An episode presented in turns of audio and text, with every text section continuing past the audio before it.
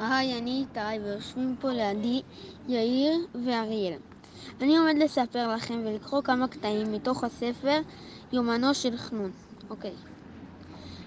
קרג גפלי שוב מסתבך בצרות, והפעם אפילו המשטרה בעקבותיו. רק סופת השלג הנוראית שסוגרת את כולם בבתים יכולה להציל אותו. אבל עד מהרה מגלה גרג שהבילוי המשפחתי עם אמא רודריג ומני בבית הקפוא הוא העונש הגדול מכולם. מכת קור הוא הספר השישי בסדרת יומנו של חנון. ספרי הסדרה תורגמו לשפות רבות, זכו להצלחה מסחררת בעולם וכולו אה, והיו לרבי מכר גם בישראל. ספרי הסדרה הגיעו ארבע שנים ברציפות לרשימת עשרת הספרים האהובים במצעד הספרים.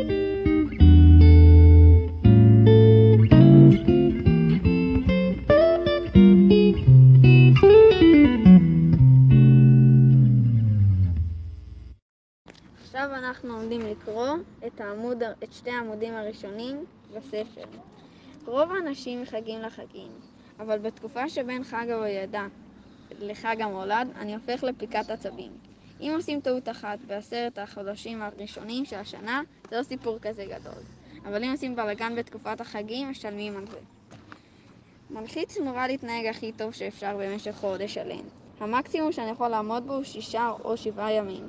ככה שאם חג ההודיה היה עובר לשבוע שלפני חג המולד, לא הייתי מתנגד.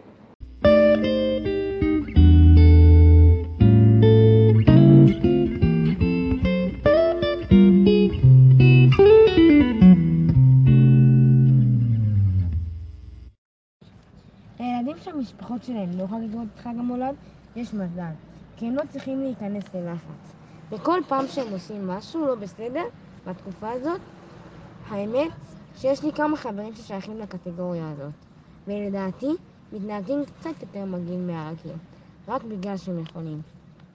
הכי מעצבן אותי כל הקטע של סנטה. העובדה שהוא יכול לראות אותך שאתה ישן, ויודע מתי אתה ער, מבהילה אותי פחד. אני התחלתי לישון עם טרנינג, כי ממש לא בא לי שסנטה יראה אותי בתחתונים.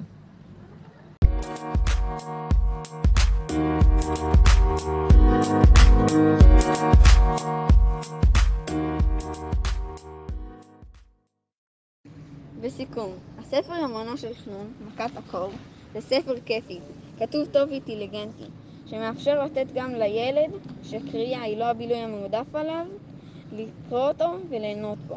חנון הוא הסופר גיבור החדש. קרג אפלי הוא תופעה בלי מתחרים. yeah